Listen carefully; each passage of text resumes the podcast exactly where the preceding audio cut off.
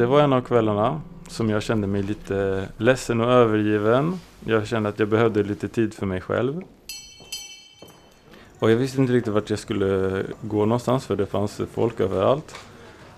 Och till slut insåg jag att ja, men kyrkan är fortfarande öppen så här en timme efter kvällsbönen. Så uh, jag gick och satte mig i kyrkan med all min uh, oro och min uh, ja, ledsamhet.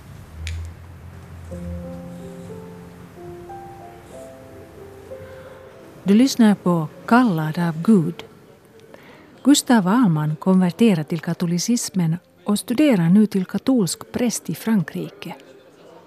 Ett val som födde en familjekris. Att Gustav, om han nu blir katolsk präst så, så, får han ju ingen fru och ingen familj och han för inte familjenamnet vidare. Det har ju varit en, en, en problematisk sak för mig. Man kan inte liksom leva sitt liv i en slags bubbla som man tror att det här ska det vara och nu ska jag liksom leva i den här latinska liturgiska bubblan liksom. Du kan inte leva på din egen planet.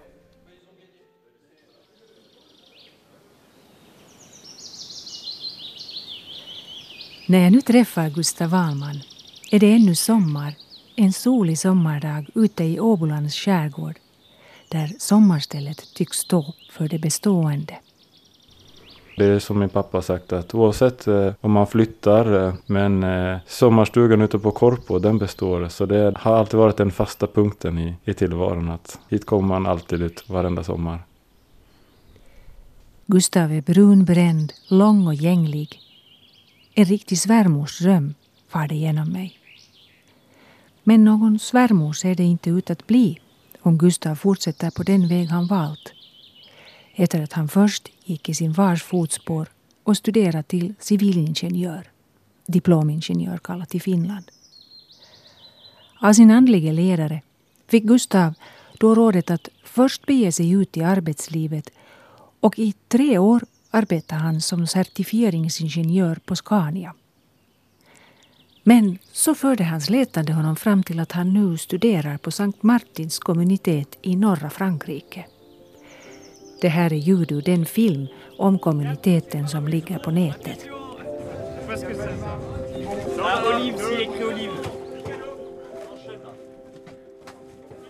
Gustav Wahlman föddes 1985 in i en familj aktiv inom den protestantiska kyrkan. Så vilken är drivkraften nu bakom hans val att konvertera och studera till katolsk präst i Frankrike? Ett val som har lett till många och också hetsigare diskussioner i hans familj. Så här beskriver Gustav Wahlman sin familj. Min pappa heter Martin och min mamma Ingrid. Jag har två yngre systrar, Maria och Elisabeth. Och det har varit en mycket trygg och fin uppväxt och jag är mycket tacksam för det som jag har fått ta emot av mina föräldrar. En hurdan ungdom var du? Ja, jag har alltid varit sådan att eh, när jag har upptäckt eh, någonting som jag tycker mycket om då lägger jag ner 100% på det. Och när Gustav var liten så var hans föräldrar, mamma Ingrid och pappa Martin, nya på sin boningsort söder om Stockholm. Och valet föll på en församling med en ung, mycket välkomnande prästfamilj som med tiden fick fyra barn vilket ledde till att Gustav och hans två systrar De växte upp väldigt tätt tillsammans med den här prästfamiljen och vi gjorde många roliga saker tillsammans. Och, och det var en väldigt så här bra grupp, kyrkans ungdom. En bra kristen utbildning kan man säga. Det var, det var de här ungdomarna som blev Gustavs vänner. Så det blev från att ha varit en ganska sporadiskt, för min, min egen del, kyrkogående så, så blev det nog en... Det blev en rutin men också en väldigt välgörande sak. Så att på det viset så blev det en helt naturlig del av allt vad det vi gjorde med, med barnen och, som familj.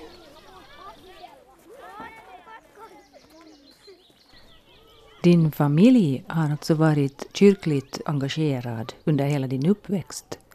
Men vad var det som gjorde att du kom in för ett stort val sedan?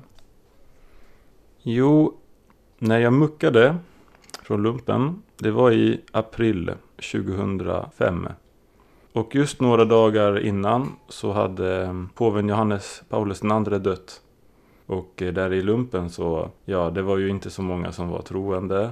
Ännu färre som var katoliker och ingen alls som var praktiserande katolik. Men när påven hade dött så var det någon av mina lumparkompisar som sa där att eh, Åh, oh, han har dött! Vadå han? Ja, påven. Som om eh, det vore den viktigaste personen i världen. Men eh, jag var ju inte katolik så jag tänkte det rör mig inte så mycket. Men sen just dagarna efter det här ehm, så hade jag ett långt sommarlov framför mig. Därför jag hade inte skaffat något sommarjobb.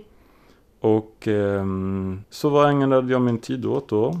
Ja, det var att ehm, söka svar på de stora frågor som jag hade fortfarande i livet. De allra största frågorna hade jag väl redan svar på som ja, vad är meningen med livet? Som kristen så är det att tro på Gud och komma till himlen en dag. Men eh, det var en del andra frågor som jag fortfarande funderade på. Och en av dem är vad har Gud menat med den mänskliga sexualiteten? Är det bara till för fortplantning? Eller är det också till för makarnas väl? Och om det också är till för makarnas väl, men man kan inte ha hur många barn som helst, så är det tillåtet att använda helt enkelt artificiella preventivmedel? Eller hur, hur har Gud tänkt det? Så jag ställde den här frågan på internet eh, till en eh, sajt som heter Bibelsajten.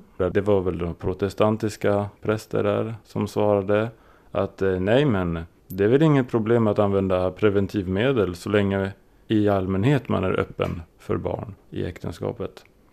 Men jag var inte riktigt nöjd med det här svaret. Så jag ställde det vidare på ett kristet diskussionsforum, Crossnet. Och där fanns det en katolsk prästkandidat, Jakob Astudillo. Och han eh, förklarade att det fanns något som kallas för naturlig familjeplanering. Eller bildningsmetoden. Som utgår då från att man avstår från samlag under den period som eh, kvinnan eh, är fruktbar. Och på så vis kan man fortsätta det äktenskapliga samlivet utan att få fler barn än vad man har möjlighet att ta emot. Och utan att behöva använda sig av några konstgjorda metoder. Och det är det som den katolska kyrkan säger också att det är inte bara intentionen och slutresultatet som avgör om en handling är moralisk utan även själva metoden. Och Gustav Wallman fortsatte sitt letande på nätet. Ett letande som efter en del tvekan sist och slutligen ändå ledde honom fram till den katolska läran. Det som var huvudargumentet kan man väl säga det är att eh, det är ju ändå den katolska kyrkan som är den, den ursprungliga kyrkan som Kristus har grundat. Och jag såg det som enda möjligheten att, att bevara den kristna enheten. Därför det är ju en stor eh, skandal att de kristna är uppdelade i olika kyrkor och samfund. Martin Luther och de andra protestanterna, de hade ju som utgångspunkt skriften alena. Men resultatet av det är tusentals olika protestantiska samfund i hela världen som gör olika tolkningar. Och vem kan säga att den enes tolkning är bättre än den andres? Medan den katolska kyrkan har som utgångspunkt inte Bibeln, även om Bibeln är oerhört viktig. Men eh, Jesus han skrev inte själv ner evangelien utan han utsåg tolv apostlar. Och bland apostlarna utsåg han Petrus som deras överhuvud. Och eh, apostlarna i sin tur utsåg biskopar som i sin tur utsåg nya biskopar. Och det är det som vi kallar för den apostoliska successionen.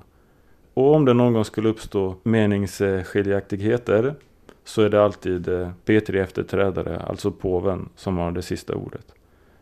Och eh, det här upplevde jag som mera konsekvent och mera logiskt sätt att se hur grunden för kyrkan. Eh, och i slutändan blev jag övertygad om att det är på det viset. Men det finns också en eh, mera emotionell aspekt av det hela. 2004 när jag gick sista året på gymnasiet så gjorde jag en resa till eh, klostret Tessé tillsammans med min eh, protestantiska församling. Det är väldigt populärt det här eh, klostret i Tessé som ligger eh, utanför Lyon i Frankrike. Och jag hade en väldigt stark upplevelse där av Gud. Sen... Kan du beskriva vad som hände? Ja, alltså det var en av kvällarna som jag kände mig lite ledsen och övergiven. Jag kände att jag behövde lite tid för mig själv. Och jag visste inte riktigt vart jag skulle gå någonstans för det fanns folk överallt. Och till slut insåg jag att ja, men kyrkan är fortfarande öppen så här en timme efter kvällsbönen. Så eh, jag gick och satte mig i kyrkan med all min eh, oro och min eh, ja, ledsamhet. Och jag hade väl nästan precis bara hunnit sätta mig i kyrkan när jag över, övermannades av vad jag skulle vilja säga Guds kärlek. Det var som att lägga sig i ett eh, varmt skumbad när man kommer hem alldeles eh, stelfrusen. Och uh, det var som att Gud bara ville säga mig att eh, uh, jag är allt du behöver. Jag finns här för dig och uh, du behöver inte oroa dig för något. Jag tror att det var första gången som jag mottog det som man brukar kalla för tårarnas gåva att ja, jag grät i lycka över att den här erfarenheten av, av Guds kärlek. Att Gud ensam räcker. Det var en tid när Gustav ville bli munk.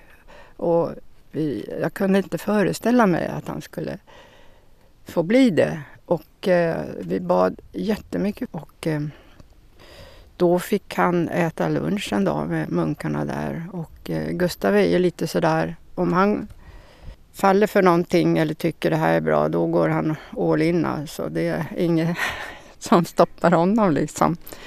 Så att det var väl en början till det då.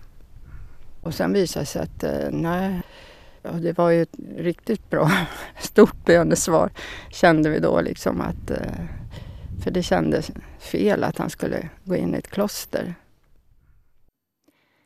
Det var via ett karmelitkloster i Skåne och via det katolska prästseminariet i Uppsala som Gustav kom fram till att han behöver någonting mera krävande och, som han säger, lite mera uppstyrt. Och så hittade han, återigen via nätet och också via de gregorianska sångerna, sin väg till Frankrike och Sankt Martins kommunitets hemsida. Jag såg något videoklipp där det var prästkandidater där som sjöng eh, ett graduale på latin med gregoriansk sång ackompanjerat av bilder från livet på prästseminariet. Och jag kände bara att eh, jag, jag bad till Gud och frågade Herre, är det bara min själviska vilja att vilja bli präst eh, i den samma stil som de här eh, Sankt Martins kommunitet. Är det bara min själviska vilja eller är det du som drar mig dit?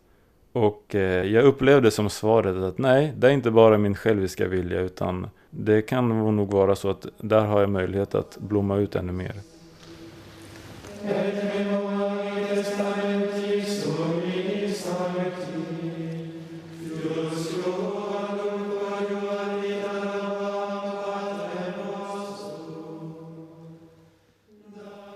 Så här reagerar då pappa Martin Alman och mamma Ingrid Alman. Det är vår bakgrund och vår situation och därför så är det naturligt att, att, att verka där. Att eh, helt plötsligt eh, ge sig av och fara någon annanstans, lite att, att ge upp. Jag förstår det inte riktigt, det, det känns väldigt främmande på det viset. Man kan inte liksom leva sitt liv i en slags bubbla som man tror att så här ska det vara och nu ska jag liksom leva i den här latinska liturgiska bubblan liksom med rikt böneliv och sådär. Man kan väl kanske göra det till viss del men du kan inte leva på din egen planet. Så småningom började det närma sig så hade de tydligen, mina föräldrar, talat med eh, den lutherske prästen i församlingen och eh, på skärtorsdagskväll. Och när vi kom hem då från skärtorsdagsmässan så ja, konfronterade de mig, verkligen mina föräldrar, med mitt beslut att bli katolik. Ehm, de hade egentligen, var inte intresserade av att gå in i någon teologisk debatt. Att prata om teologi och, och sådana lite högre mm, saker, det, det, det, känns ganska meningslöst på något vis. Det viktiga är att vi, vi, vi fungerar där vi är och som familj. Och det blir ganska teoretiskt, ur mitt, mitt perspektiv väldigt teoretiskt och akademiskt och det är meningslöst. Det är liksom en någon sorts ytlig diskussion. Och då kände jag så här, ja men, men anledningen till att jag vill bli katolik det beror ju på en teologisk övertygelse. Om ni inte vill diskutera det så hur ska ni kunna hindra mig från att ta det här beslutet? Men eh, de var verkligen, försökte verkligen att hindra mig. Och där kände jag för första gången i mitt liv att här är någonting där jag är oense med mina föräldrar om. Men för första gången så är det nog faktiskt jag som har rätt. Det låter helt absurt men han pratar om den latinska liturgin. Och vem den ska vara bra för det förstår jag inte riktigt. Annat än för riktiga sådana latinnördar som tycker att de vill mumla latin hela tiden. Eh, så, återigen är det där jag tänker att är det någon sorts det är någonting som behöver lösas, någon, någon klar sak som behöver klaras ut. Och, och, som ett alternativ i hans vägval här och så där så kan det ju tänkas att han hamnar i, även kommer tillbaka till Sverige. Och där finns det ju inte så mycket latin. Så att jag förstår inte riktigt hur det här ska gå till. Tidigare så hade jag varit oense med mina föräldrar till exempel när jag var liten och spelade tennis och sa att om jag någon eh, gång blir så bra på tennis att jag skulle kunna bli proffs, ja men då vill jag nog hoppa av skolan. Nej, nej, nej, det får du inte ens tänka i sådana banor. Ah, okej. Okay. Och där hade de nog rätt. Att sen blev jag aldrig så bra så det var ju bara en hypotetisk fråga. Och sen var det väl också när jag var så väldigt intresserad av tv-spel i tonåren så sa jag att ja, jag skulle nog eh, vilja bli eh, tv-spelsjournalist när jag blir stor. Uff, vad är det, ska du inte skaffa något riktigt arbete liksom? Och eh, så insåg jag att ja, kanske de har rätt innerst inne. Så kände jag väl kanske det. Men här när mina föräldrar verkligen försökte hindra mig att bli katolik, eh, övertyga mig att inte ta det här steget. Då kände jag att nej, faktiskt, den här, den här gången så är, det, så är det jag som har rätt. Och det upplevde jag som eh, att det var då som jag verkligen blev vuxen. Det var nog en väldigt eh, avgörande punkt där. Sen eh, så tänkte jag så här att ja men det här borde väl få alla mina vänner i den svenska lutherska kyrkan också att börja fundera. Men eh, inte automatiskt. I början när Gustav var katolik så det var mycket sådär, nu måste alla andra bli katoliker för det var det enda möjliga. Eller det var liksom Guds vilja ungefär. Så. Och jag hade inte alls den uppfattningen. Och jag hade väl en hel del diskussioner med eh, min gamla präst, lutherska präst. Och framförallt med hans äldste son som heter Gustav, precis som jag och som har varit en av mina äldsta vänner verkligen. Men eh, till dags dato har, eh, har varken jag eller den heliga ande lyckats övertyga dem. Så det, är, det har varit eh, en person som har följt med mig till den katolska kyrkan och det är min yngsta lilla syster Elisabeth. Jag har väl kanske inte alltid varit tillräckligt ödmjuk i mina diskussionerna. Och eh, det har gjort självklart också att eh, mina band med mina gamla vänner i, i Svenska kyrkan har blivit svagare. När man inte riktigt delar det allra djupaste och som var anledningen till att ja, vi hade, jag hade en väldigt fin gemenskap med alla i den ungdomsgruppen i, i Svenska kyrkan, kyrkans ungdom. Klart att jag, jag träffar dem lite grann genom, de är fortfarande i kontakt med min andra syster Maria. Men eh, det är såklart, det är lite en, en sorg att eh, det har blivit naturligt att man har glidit ifrån de eh, vännerna som jag hade tidigare eh, i Svenska kyrkan. Men i gengäld så, så har jag fått många vänner i den katolska kyrkan. Och även eh, med ordensfolk, med nunnor och munkar i hela världen. Jag har nog fått betydligt fler vänner tack vare att jag blivit katolik än de jag har blivit lite svagare vän med. Broccolo des brocolis. Un brocoli, des brocolis.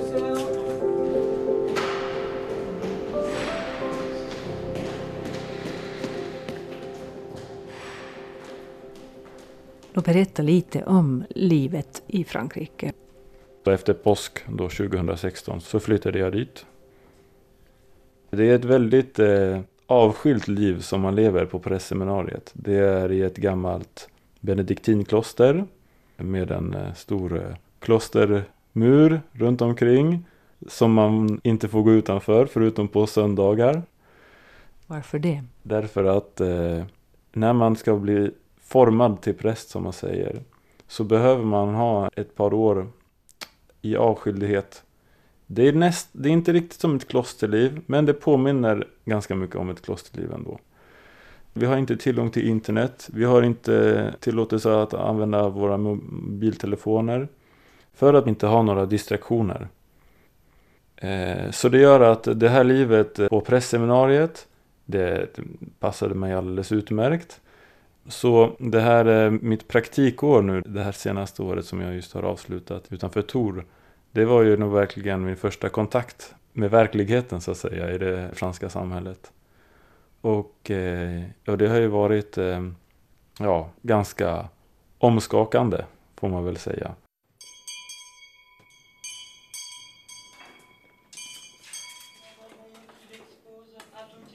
Jag hade ju överhuvudtaget inte någon erfarenhet av eh, vanligt församlingsliv i Frankrike och överhuvudtaget inte någon erfarenhet av, av livet i största allmänhet i Frankrike. Så eh, det har varit väldigt mycket som jag har upptäckt det här året. Men eh, det är såklart att språket är ju alltid där. Jag var ju ändå närmare 30 när jag började lära mig franska och det, det är inte så lätt att lära sig ett nytt språk i den åldern. Ja, andra saker som är lite nytt då, i den här eh, församlingen i Vouvray. Den är absolut mest känd för den här staden eller byn. Det är sin vinproduktion. Ehm, och som de skänker till mässvin också med jämna mellanrum. Och eh, i min familj så, mina föräldrar träffades ju i en rörelse, moralisk upprustning, som var väldigt strängt eh, protestantisk. Där eh, alkohol var väl nästan betraktat som en dödssynd. Och det gör att i mitt hem så har vi aldrig eh, druckit eh, alkohol starkare än lättöl till maten. Så det var först när jag blev katolik som jag smakade på vin. Om man nu bortser från nattvarden. Och då att komma till en eh, stad där eh, den huvudsakliga näringen är vinproduktion. Det var ju också en liten eh, ja, kontrast mot eh, min uppväxt får man väl säga. Eh, och eh, när mina föräldrar nu var på besök så lyckades jag väl till slut få dem att åtminstone smaka på lite Vouvray. Det var väl lite mirakel i det att, att övertyga dem om det.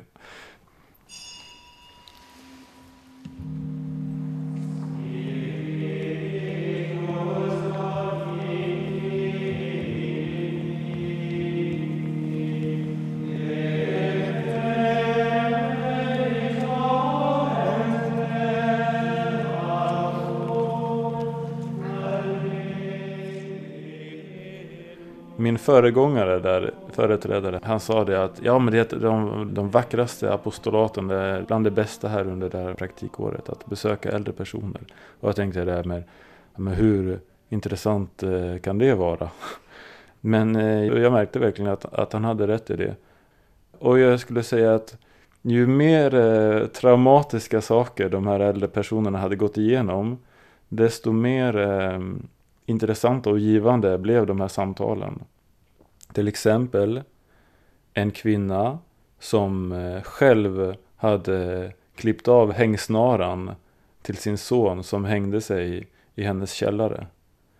Och eh, det var inte ett enda besök hos henne utan att det här kom upp som ju ändå hade skett eh, många, många år tidigare. Och man inser att det här ältar hon varenda dag. Och ehm, och annat sånt där. De, de som har svårt att eh, förlåta andra människor. Alltså det kan vara väldigt svåra situationer och som eh, blivande präst eller som präst så är ju alltid risken att man förenklar allting och säger att ja, ja, litar du på Gud och det där är väl... Alltså, alltså att komma och ha intrycket att man har alla svar och förringa de här personernas lidanden, det är ju inte rätt sätt att eh, gå tillväga på. Men samtidigt så är det ju vår övertygelse att det finns ingen situation som är eh, omöjlig, utan det finns hopp överallt.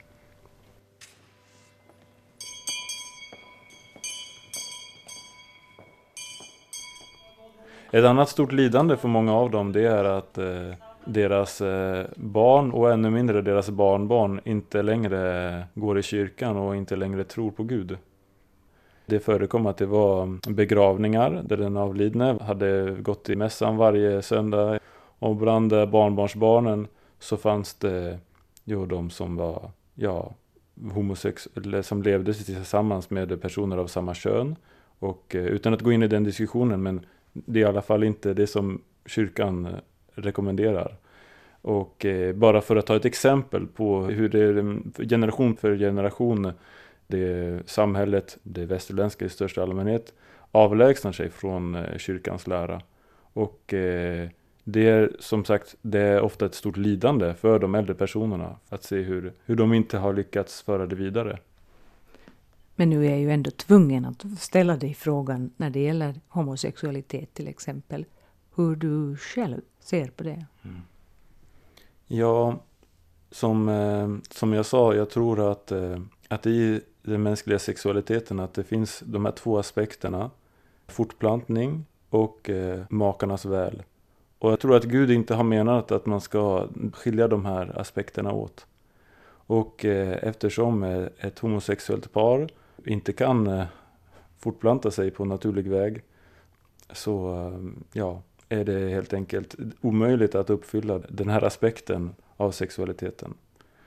Men eh, med det sagt eh, så är det klart att eh, all form av diskriminering mot personer med homosexuell läggning är ju såklart oacceptabelt. Men jag skulle snarare tala om personer med homosexuell dragning för vi är så mycket mera än bara vår sexuella läggning. Men kan vi välja vår sexuella läggning? Jag tror inte att det är någonting som man väljer och eh, vad det beror på att alla inte är heterosexuella det, det är svårt att säga också. Men precis som det finns eh, många heterosexuella personer som aldrig eh, hittar någon att gifta sig med så säger ju kyrkan att eh, då är man kallad att leva i avhållsamhet. Och eh, i vårt översexualiserade samhälle så kan det låta som värre än en dödsdom. Men eh, det finns annat som, eh, som gör livet värt att leva för. Men för dig, ja, så vad innebär ditt val när det gäller att avstå? Vad måste du avstå? Jo, som bekant så eh, lever alla katolska präster i celibat.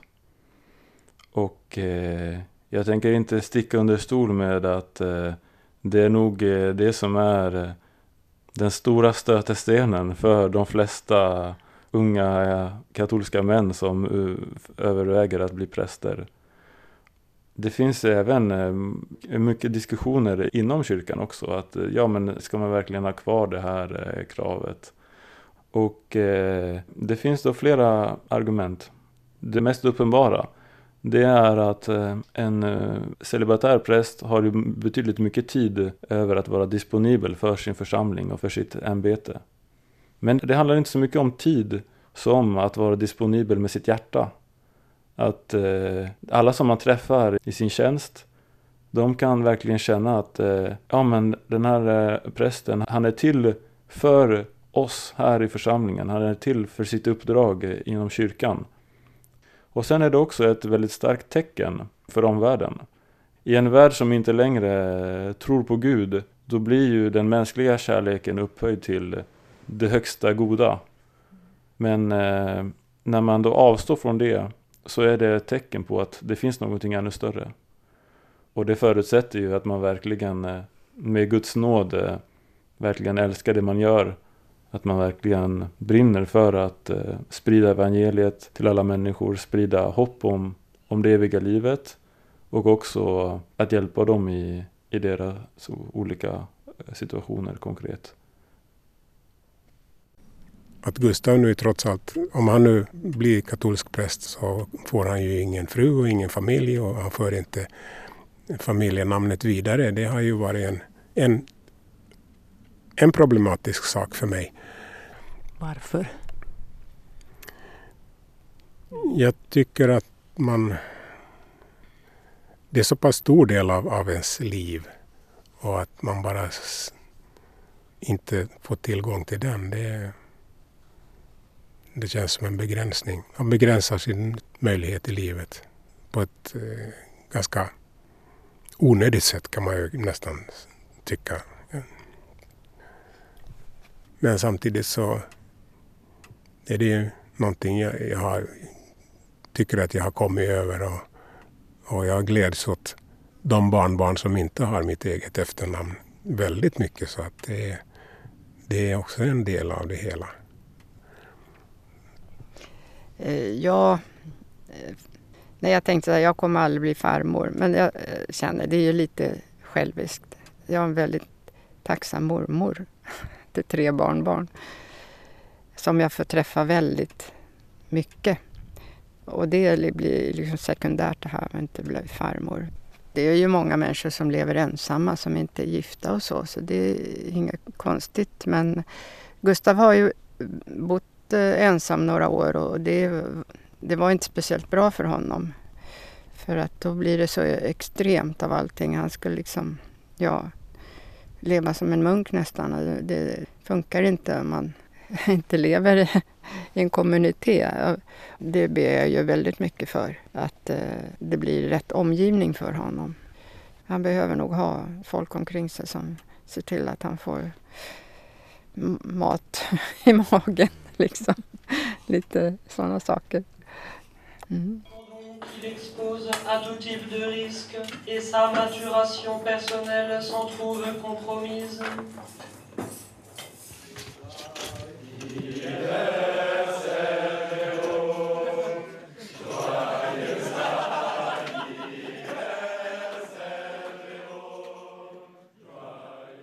Det här är kanske en för personlig fråga, men jag frågar ändå. Har du varit kär någon gång? Förälskad? Jo, absolut. Och eh, jag tror att eh, hade det inte varit fallet så hade det nog varit eh, svårt att ta beslutet att leva i celibat.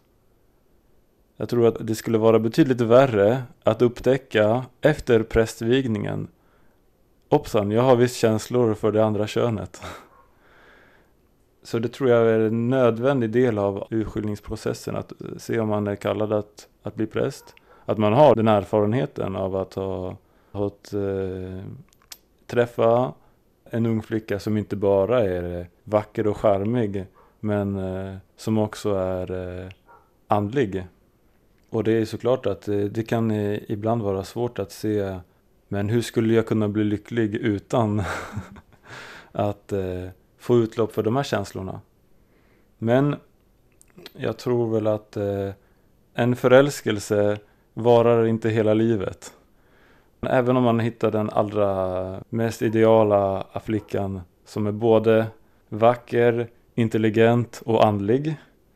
Så... Um, och där kärleken kan djupna. Ja, precis. Så um, man är aldrig garanterad att väl när man väl har gift sig att det inte dyker upp en annan flicka som också väcker den här eh, förälskelsen till liv.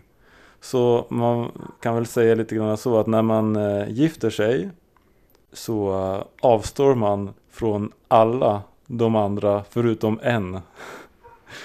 när man blir präst så avstår man från alla kort och gott för att vara tillgänglig för alla.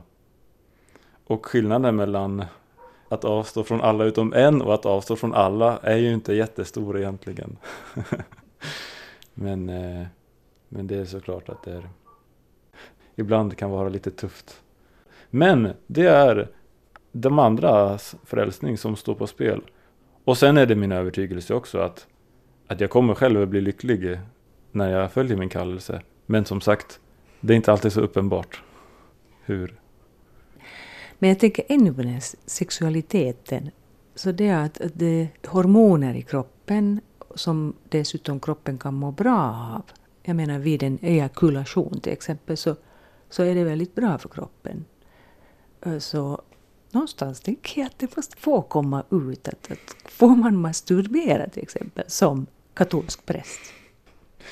Alltså, om den här frågan om preventivmedel var någonting som förde mig till den katolska kyrkan så var frågan om masturbation någonting som också drog mig till den katolska kyrkan därför att jag hade gjort som ett, ett fasteoffer året innan jag började lumpen. Att eh, ja, jag ska avstå från detta. Och visst, eh, det kanske kan vara nyttigt för kroppen, de här hormonerna och så. Men jag tror att det vägs upp av eh, de negativa aspekterna av det beroende som det skapar och eh, ja, den här eh, själviskheten helt enkelt. Att det här att söka sin egen njutning och jag har inte behov av någon annan för det. Jag kan tillfredsställa mig när jag vill. Och sen eh, inte heller eh, steget långt bort eh, från eh, pornografin. Vilket är eh, verkligen eh, ett utnyttjande av kvinnor i första hand. Har man väl blivit beroende av pornografi dessutom så är det nog väldigt svårt att ha en, en sund relation med en kvinna i verkligheten när man har verkligen eh, förstört sin hjärna med eh, orealistiska bilder och, och så. Men eh, det är lite grann som eh, när det gäller eh, celibatet i allmänhet. Rektorn för prästseminariet som sa det att eh, ja, den här kallelsen längtan att bli präst, det är någonting övernaturligt som läggs ovanpå den naturliga kallelsen till äktenskapet. Men den utplånar inte det naturliga. Och det är klart att man fortsätter att vara människa hela livet. Och med allt vad det som kommer med det. Och, och det kommer alltid att vara en viss eh, eh frustration. Det naturliga är att gifta sig, det naturliga är att eh, att, att fortplanta sig. Och det, bara för att man eh, har en övernaturlig kallelse att viga sitt liv åt Gud så, så tar det inte bort den här naturliga längtan som man bär på. Såväl eh, relationsmässigt som rent, eh, ja, genitalt också. Men det är någonting som man får be om Guds nåd med för att, för att kunna bära jag tänker inte sticka under stol med att det är sånt som eh, jag, eh, som man brottas med fortfarande, som jag brottas med också. Det är inte eh, självklart allt detta.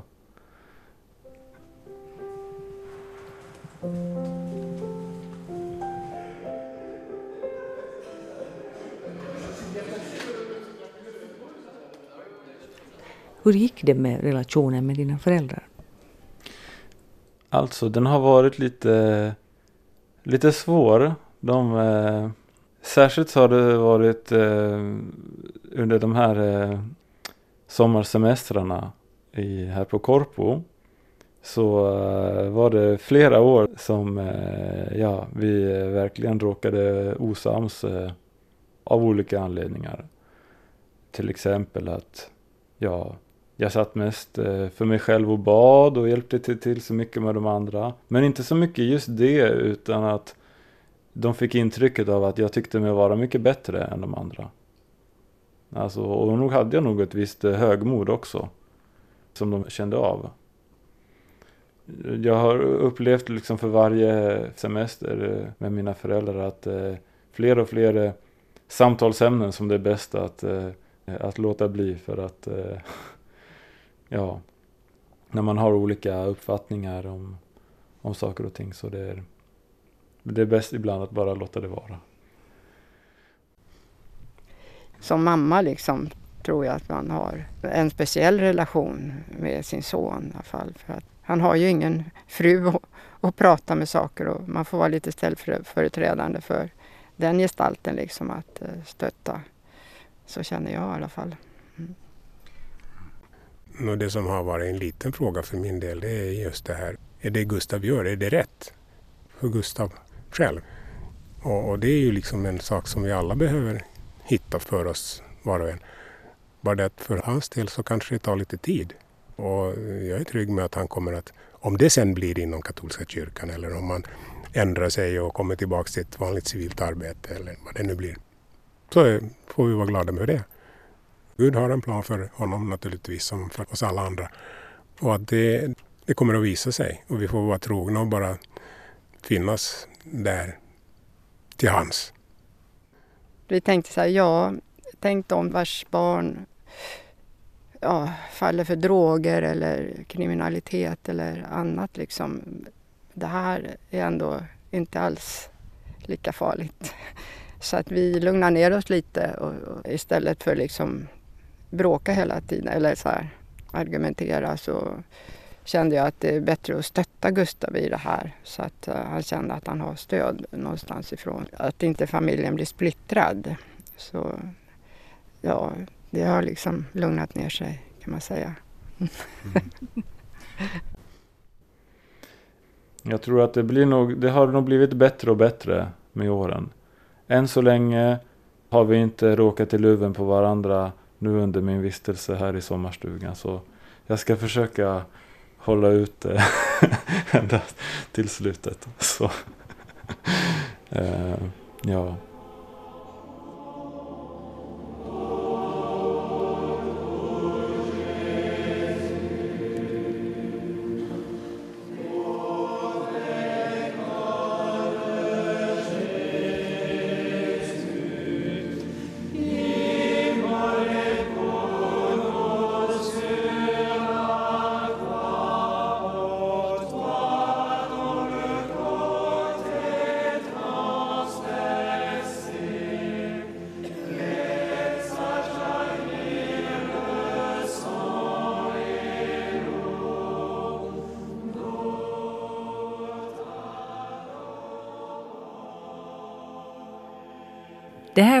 Kallad av Gud.